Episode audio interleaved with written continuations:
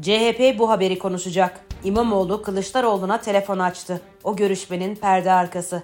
Can Özçelik'in haberi. İstanbul Büyükşehir Belediye Başkanı Ekrem İmamoğlu'nun CHP lideri Kemal Kılıçdaroğlu'nun memleketi Tunceli ziyareti sırasında yaşanan telefon trafiğinin perde arkasını Oda TV öğrendi. Ekrem İmamoğlu telefonda Kemal Kılıçdaroğlu'na Ya Genel Başkanım cebinizi aradım ama cevap vermedi. Mahmut abi. Olsun olsun ben evinde numarasını çevirdim. diyerek konuşmuştu. Ancak bu görüşmenin Ekrem İmamoğlu'nun aramaları sonucu değil, CHP'li Gürsel Erol'un Kemal Kılıçdaroğlu'na ulaşması sonucu gerçekleştiği ortaya çıktı. Tunceli'deyiz biraz da sıcak ama Mahmut abi.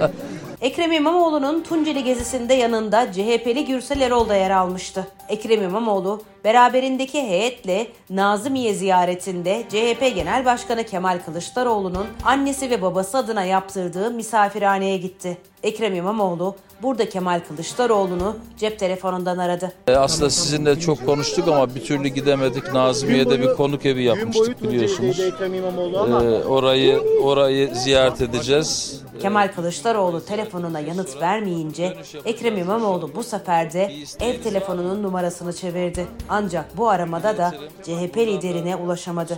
Ben evinde numarasını çevirdim. Bir süre sonra heyet içinde yer alan CHP'li Gürsel Erol, Ekrem İmamoğlu'na isterseniz Sayın Genel Başkanı yeniden arayalım diyor. Fakat Kemal Kılıçdaroğlu yine yanıt vermiyor.